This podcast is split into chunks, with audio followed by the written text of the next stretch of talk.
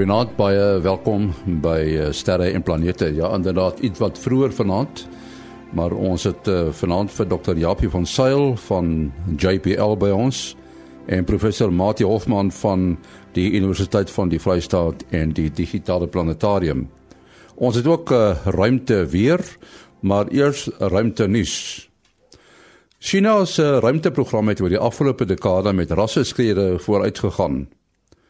Die Chinese Nasionale Ruimteagentskap het die ontwikkeling van 'n vuurpylreeks, die sogenaamde Long March, die lansering van 'n ruimtestasie en die ontwikkeling van 'n Chinese maan-eksplorasieprogram op sy kerfstok.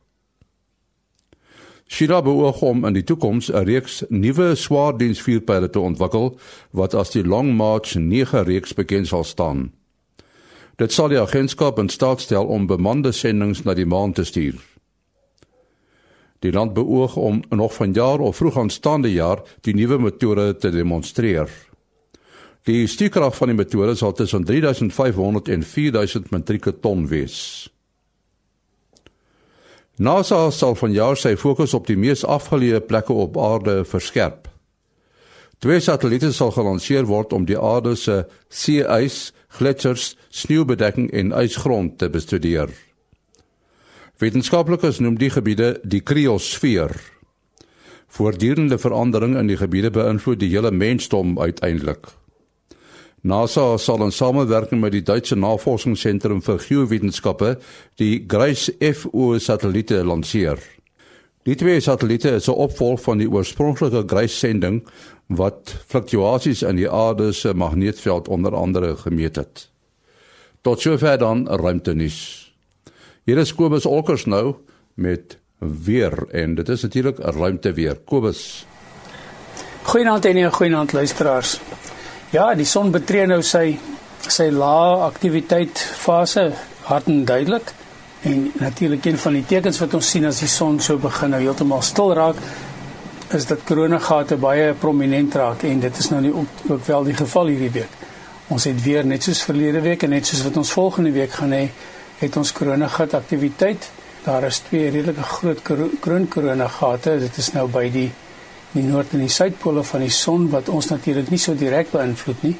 Maar daar is wel uh, genoeg uh, gate in die korona van die son om om redelike 500 km per sekonde skat ek winde hier in ons koers te laat inwaai. Die polariteit van die wind wat hier uitkom is in dieselfde rigting as die van die aarde, so dit gaan nie vir ons veel van 'n probleem gee nie behalwe natuurlik soos gewoonlik weer vir ons langafstand uh, radioluisteraars. Wat wel interessant is is daar hoegenaamd geen ander aktiwiteit is nie. Geen komplekse magnetiese aktiwiteit op die oppervlakte wat vir ons kan koronamassa uitbarstings gee nie en ook hierdie week nie enkele filament om van te praat nie. Wat natuurlik baie interessant is is dat hierdie lae aktiwiteit van die son maak dat die ultraviolet wat nou op die atmosfeer in inwaai uh, of instraal ehm um, dat die dat dit minder raak. Die hele atmosfeer boonste atmosfeer van die aarde uh, raak dus kleiner. Hy hy het nou nie die hitte wat hom so opblaas nie so hy sak 'n bietjie af en dit is natuurlik die rede hoekom ons in die verlede in 2017 al die Chinese ruimtestasie gekry het om te val nie. Hy dryf nou nog steeds daar rond en dit is omdat daar nie genoeg uh, die die omdat die son nie aktief genoeg is om die atmosfeer op te blaai dat dat dit sy uh, genoeg wrywing sal veroorsaak dat hy val nie. Nou ja, dit is maar net 'n interessante puntjie en ons kan dus sien dat ruimte weer uh beïnvloed omtrent enigiets op die son. Goeienaand almal tot volgende week. Dit was uh, Kobus Olkers daar in Florida, Amerika wat weer op sy pos was met ruimte weer. By die mikrofoon vanaand het ons vir uh, eh, Dr. Japie van Sail van die Jet Propulsion Laboratory wat uh, op die oomblik kuier in Parys en dan het ons ook vir uh, professor Mati Hofman van uh, die digitale planetarium en die universiteit van die Vrystaat. Japie, miskien moet jy net eers vertel, uh, jy's nou in die Franse hoofstad. Wat is die doel van jou besoek daar? Man nee nie elke jaar hier in Maart maand dan kom ek 'n uh, redelike hoeveelheid so drie verskillende groot organisasies wat met die ruimte te doen het hier in Parys bymekaar. en dan uh, is daar nou allerlei vergaderings hierso in die uh, die hoofde van die verskillende ruimteagentskappe is hierso en so aan. Ek is veral hierso vir vergaderings omtrent uh, sogenaamde space astronomy. So um te kyk die toekomstige tegnologieë en so en wat 'n mens kan uh, in, in ons toekomstige sendinge gebruik hierso vir uh, om astronomie te doen en so aan. Ek is nou uh, geïnteresseerd as jy russe ook daar. Ja nee, hulle is hier in volle sterkte. Die Russe is hier, hierso die Chinese is hierso. En dan natuurlik eh uh, ESA die die uh, Europese ruimteagentskap is 'n soort van die die die gasheer vir alles hierso. En dan is daar natuurlik uh, die Amerikaners en die Japaneese. Ons almal al die groot ruimteagentskappe is hierso. So jy praat nou eintlik van ruimtesterrekunde. Dit is nou soos die Hubble en die James Webb. Dit is mos nou ruimtesterrekunde. Dis reg, maar ons kyk ook na na uh uh sterrekunde wat uh, te doen het met die planete in ons sonnestelsel en so aan. Maar ja, jy's reg, die die fokus is eintlik op groot uh teleskope en so voort vir die vir die toekoms. Interessant ook dat uh Curiosity het 'n besondere verjaardag wat hy beleef en dit is die sogenaamde Sol 2000. Jy moet miskien net eers verduidelik uh, hoekom is dit Sol 2000? Wat beteken dit presies uh, Japie? 'n Sol beteken 'n dag op Mars. Ons wil nie dieselfde term as op die aarde gebruik het nie want dit is nie dieselfde lengte van 'n dag op Mars nie. Dit is 'n klein bietjie langer as die aarde se dag. So ons gebruik die term sol want dis wanneer die son opkom en son ondergaan. En so hy het nou al 2000 sulke Mars dae wat hy nou al op Mars uh, is. Of sy. die naam Curiosity impliseer dat die geslag. Uh, is is 'n Marsdag korter of langer as die ene op aarde? Hy's 'n klein bietjie langer. Hy's so ongeveer uh min of meer 'n halfuur langer. So dis 'n dis 'n interessante ding vir die ouens wat by JPL op hierdie sendinge werk.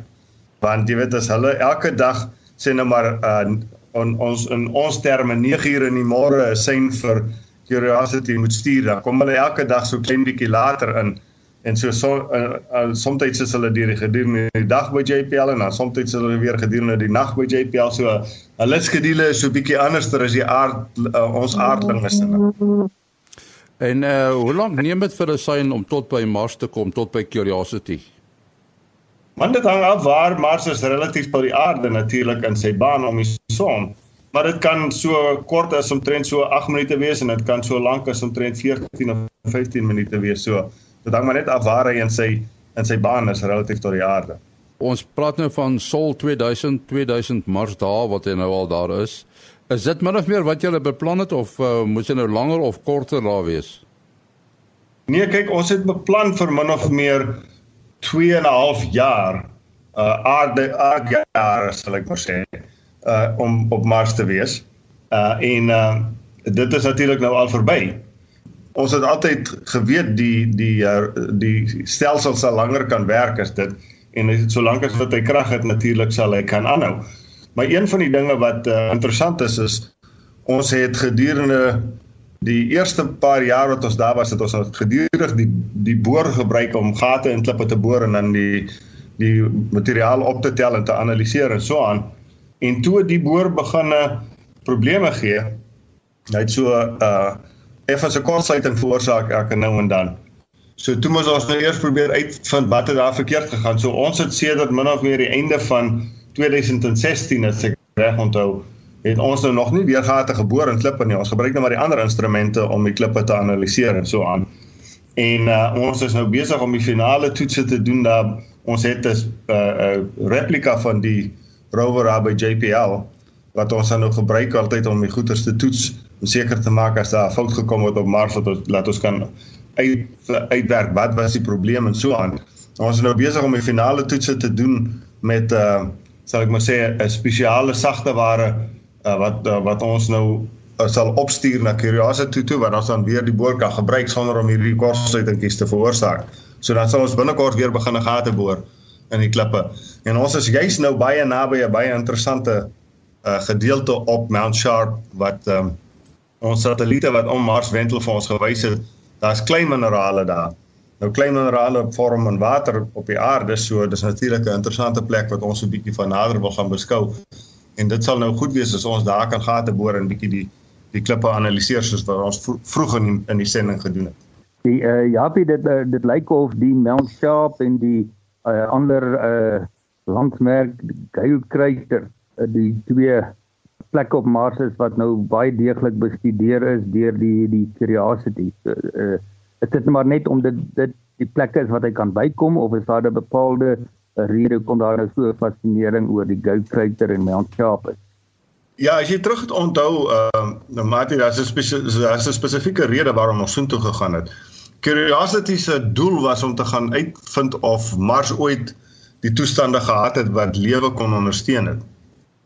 Nou het ons ons satelliete wat om Mars wentel het gebruik om te kyk waar is kleiminerale en so aan en spesifieke tipe kleiminerale en hierdie krater met uh, wat dit lyk asof daar voorheen 'n um, 'n meer was en so aan het van die ruimte af ons gelyk asof dit die regte tipe minerale gehad het. Dis waarom ons daar gaan land het met Curiosity en om en om nou daar nader bestudeer. Dit is natuurlik nie die enigste plek op Mars waar dit waar dit goed voorkom nie, maar daar was net genoeg uh en en uh die afstande tussen die verskillende plekke waar die klein minerale voorgekom het was nie so groot dat ons sou binne 2 en 'n half jaar met die met die rover kon heen en weer ry en al die plekke kon gaan besoek het. Uh, ek sien nou uh, ons het nou gepraat van die 2000 uh se sol uh, op Mars. Is al so 208 om te gaan dan het hy uh dieselfde aantal sols as die Spirit tuig. En dan die opportunity is lyk my nog steeds aan die gang op uh meer as 5000.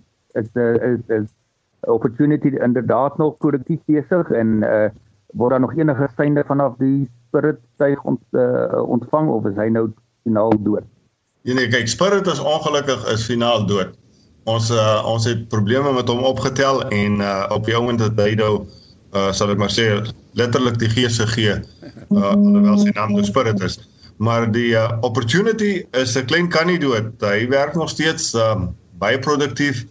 Kry nog gereeld data terug van hom af. Hy gaan nog aan bestudeer verskillende plekke op Mars. Uh ja, dis 'n klein dis glad nie sleg as jy dink hulle was hulle was ontwerp om 90 sols te te uh werk, né? En uh ons nou al oor oor 5000 en meer as uh ek weet ons het so min of meer 'n jaar, jaar en 'n half gelede het ons al gevier dat hy al 'n maraton afgelê het op uh, Mars. Die die die feit dat uh, daardie tye in 'n uh, atmosfeer werk wat baie baie dunner is as die aarde se, dit omtrent 100 maal dunner. Help hulle uh, maak dit 'n bydrae daartoe dat hulle langer hou minder verwering en roes of wat ook al. Uh, of veroorsaak dit ook probleme? Ja en nee, dit ver, dit veroorsaak ongelukkig uh, ook baie groot probleme. Die grootste probleem is natuurlik die ongelooflike verskille tussen die dag en nag temperature op Mars as gevolg van die dun atmosfeer. En uh en dit is 'n baie baie groot probleem uh, om die waarheid te sê, uh, dis een van die redes waarom Spirit opgehou werk het. Die, die elektronika, as jy later nie genoeg krag het nie, dan raak die elektronika te koud en dan uh, en dan gaan die goeders dood. Die ander groot probleem waaroor ons gedink het hulle sou net 90 uh, sols gehou het, is natuurlik die stof wat op die sonpanele uh, pak. Uh, Spirit and Opportunity is uh, son aangedrewe uh, rover, so hulle moet uh, die son op die panele kry En ons het gedag die die stof op Mars sal daar aanpak en dan sal dit die son uithou. Nou die groot geluk vir ons is daar's natuurlik geen vochtigheid op Mars nie. So alhoewel daar stof op die panele beland, hulle klou nie vas soos dit op die aarde sou maak nie. En so as daar effens 'n windjie verbykom, dan waai weer al die stof af. So in gelukkig die aarde die die dele waar hulle op Mars rondry, daar's redelik gereeld warrelwinde wat daar verbykom dan waai hulle weer die die stof af van die panele af en ek, jy kan sommer sien op ons te, uh, telemetry data hoe die uh, die krag dan weer opstyg, jy weet, baie meer krag uit die panele uit opwek en dan ry ons weer te lekker vir 'n ruk. Kry mense sien dat daar statiese elektrisiteit ontstaan tussen die stof en die panele nie? Uh dit kan seker, maar maar uh, aangesien um, ons nie enige uh, sal ek maar sê iets het wat daar vir jy weet wat naby hom kan kom en vonke veroorsaak en so aan die uh, dit dit nog nie vir niks probleme vir ons veroorsaak. Kan jy so, so uit jou kop sê uh curiosity hoeveel moet ek nou sê meter het hy al afgelê of hoeveel kilometer het hy al afgelê? Jong, dis 'n goeie vraag. Ek as ek reg onthou is so ongeveer ehm um, jong, dis 'n goeie vraag. Ek kan is is 'n paar is nog nie uh, in die omgewing van 10 km as ek reg onthou, maar ek sal ek sal bietjie moet dink. Ek het nou lanklaas dit dopgehou. Ek weet dit is meer as 5. Want elke slag as hy so 'n merk tref soos 5 of 10 dan uh, hou ons se resies daar by JPL al ons heen en weer en uh, jy weet ons vier nou die feit dat hy so ver gery het af.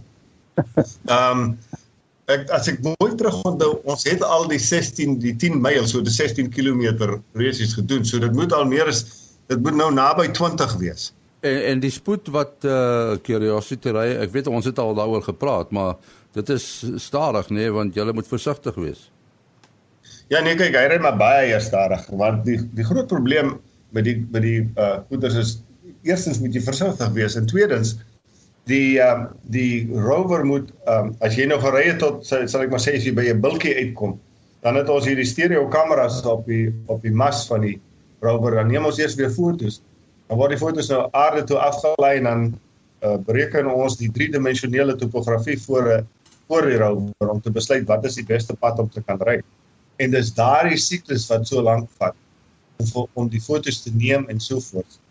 Dis hoekom ons uh, voorgestel het om 'n klein helikopter saam te vat sodat jy met die helikopter vooruit kan vlieg en dan kan fotos neem en dan kan jy die die terrein sal ek maar sê bestudeer en verken voor jy die met die auto daar moet ry.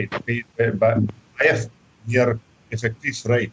Met met is is sogenaamde scout vooruit uh het ons uitgewerk jy behoort ongeveer 400 meter op 'n dag te kan aflê. En nou nou is dit ongeveer so op 'n goeie dag ry ons so 50 of 60 Uh Japie daardie fantastiese laser instrument waarmee hulle uh die samestelling van die monsters, die die klippe en so aan op 'n afstand kan meet wat die laser stuur en dan die uh die materiaal kom sê dit uh, verdamp sodat die spektroskoop uh, dit kan sien is uh, word dit nog uh, gebruik is dit nog aan die werk Ja nee, hy werk nog hy werk nog steeds.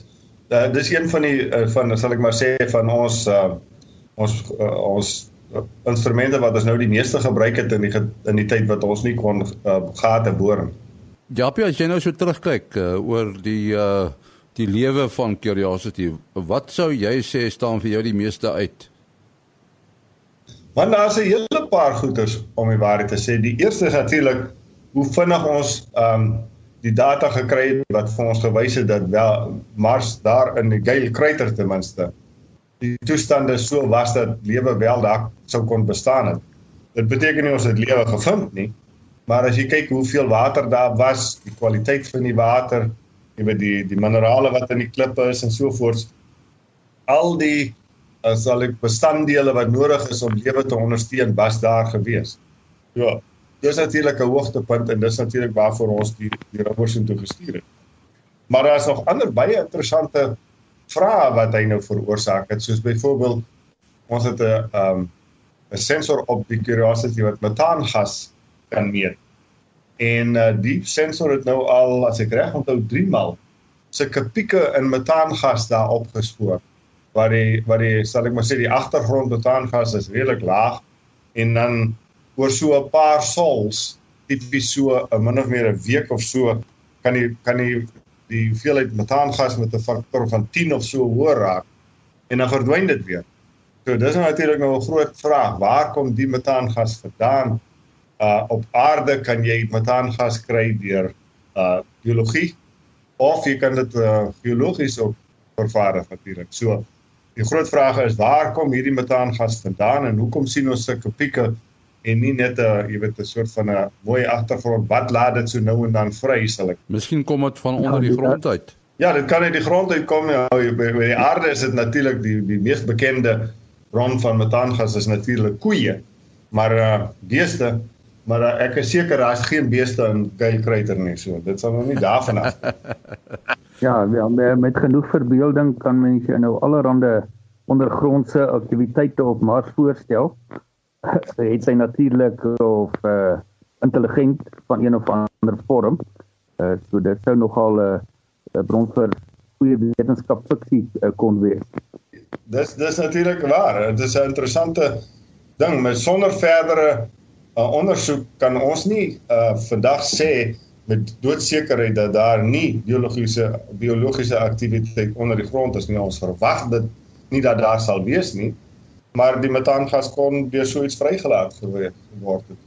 Uh maar dit is natuurlik nou wat interessant maak. Jy gaan nou met hierdie sendinge na ander planete om 'n sekere paar vrae te antwoord. Jy antwoord hy vra en jy maak 10 maal soveel meer vrae weer daarna. So Ja, dit hou jou daaraan dink nê.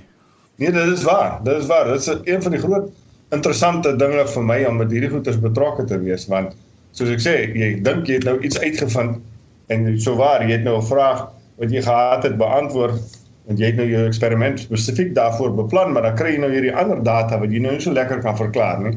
Dan moet jy weer van voor af begin en dink, hoe gaan 'n man nou hulle verklaar? En wat curiosity betref, die pad vorentoe letterlik en figuurlik, is daar iets spesifieks wat jy wil bereik? Ek meen julle is nou daar by die Gale krater en Mount Sharp. Uh, is daar iets spesifieks wat jy wil bereik? Ja, daar's 'n spesifieke deel uh, teen Mount Sharp op uh waar daar hierdie klein minerale is wat ek van gepraat het. Ehm um, omdat dit hoër op teen die berg is, is hierdie mineraal la natuurlik jonger gesteentes as die wat onder in die, in die krater se vloer is. So dit sal nou interessant wees om te sien of ons hulle kan uh min of meer 'n ouderdom bepaal sodat ons kan weet hoe lank was die water daar en hoe lank het die water uh, bestaan? Nommer 1 en nommer 2, die groot vraag sal natuurlik wees is die kwaliteit van die water wat hier so bokant in die berg in die jongste gesteentes uh 'n jonger gesteente sal ek maar sê is dit dieselfde kwaliteit as wat ons op die op die krater se vloer gekry het. Kon hulle ook lewe ondersteun het of was hulle net maar by byvoorbeeld by 'n brak sodat die lewe nie sou kon bestaan en so voort.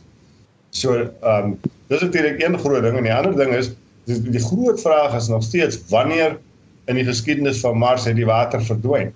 En ons hoop soos wat ons teen die teen die berg opry en jonger en jonger gesteentes bestudeer dat ons uiteindelik by die plek sal kom wat ons kan sê wag wag 'n bietjie dis min of meer in hierdie ge geologiese tyd wat die water verdwyn. Die uh, uh, Jappe in uh, terme van meter uh met hoeveel het die hoogte waarop die Curiosity daar nou sy metings doen nou al uh, verander.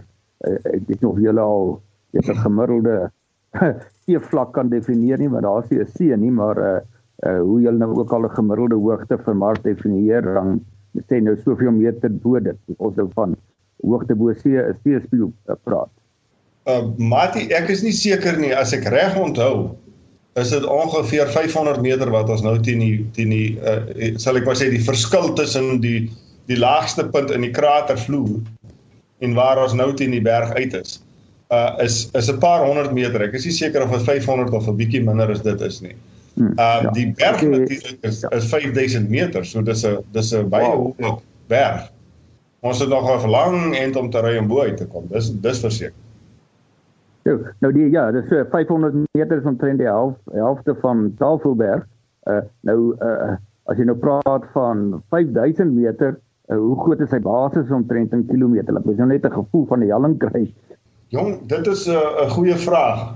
Ek as ek reg onthou is die helling so in die omgewing van ons het die die die rover ontwerp om tot so 'n uh, 15 grade te kan opklim. En uh en so dit is gebaseer op die die gemiddelde helling wat ons vir die berg bereken het.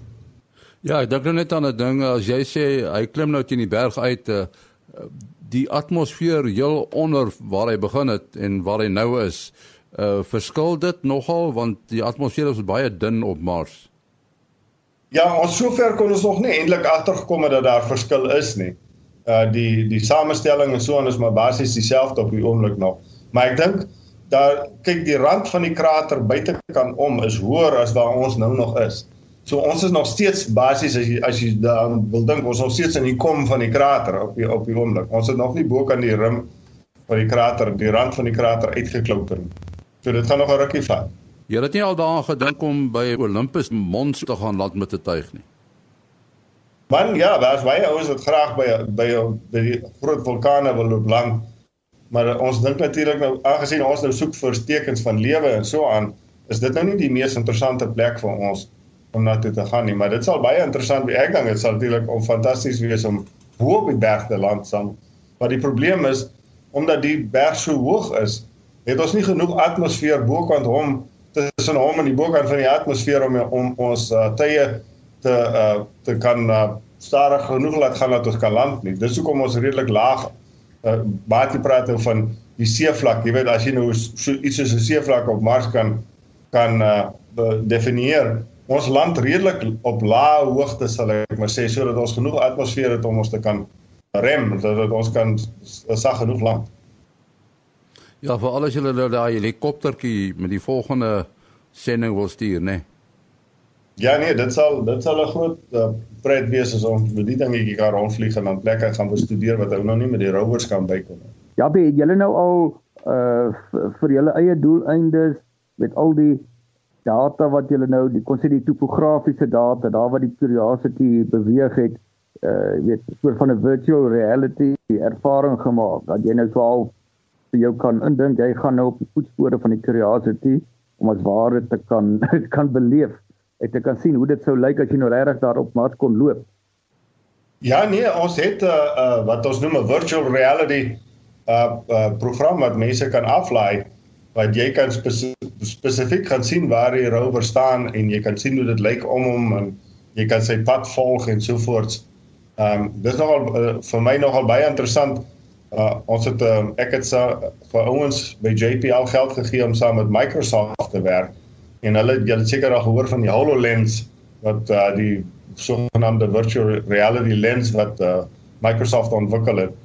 Ons het dit saam met hulle gedoen spesifiek vir hierdie doel sodat mense uh op Mars ons het dit so gedoen sodat uh sê net maar daar's 'n wetenskaplike in Suid-Afrika en 'n wetenskaplike by JPL en ons twee wil nou saam op Mars rondloop dan kan uh, die wetenskaplike in Suid-Afrika kan, in hulle kantoor rondloop en ek kan in my kantoor op JPL rondloop ons kan vir mekaar die klippe wys en hy kan uh, hy of sy kan sien waar die klip waarna ek wys en so en ons sien presies dieselfde plek op Mars as asof ons op dieselfde plek rondloop dis nogal vir my natuurlik heel interessant want dit lyk amper net soos die name woestyn as ek die die die goeders aansit en daar rondloop. nou hierdie uh, inligting uh, of die is dit uh, verkrygbaar by JPL se webwerf?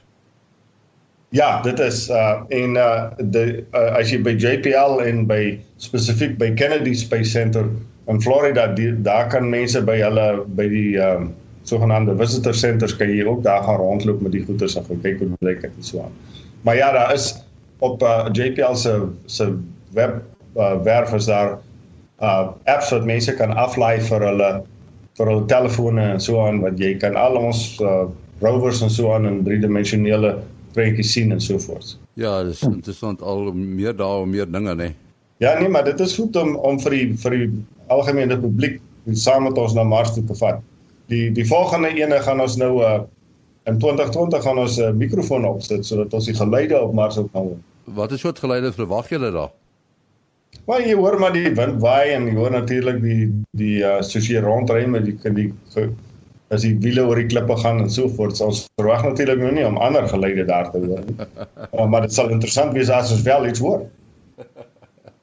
Ja, ons wil net nie hoor wat die operateur sê as daar iets fout gaan.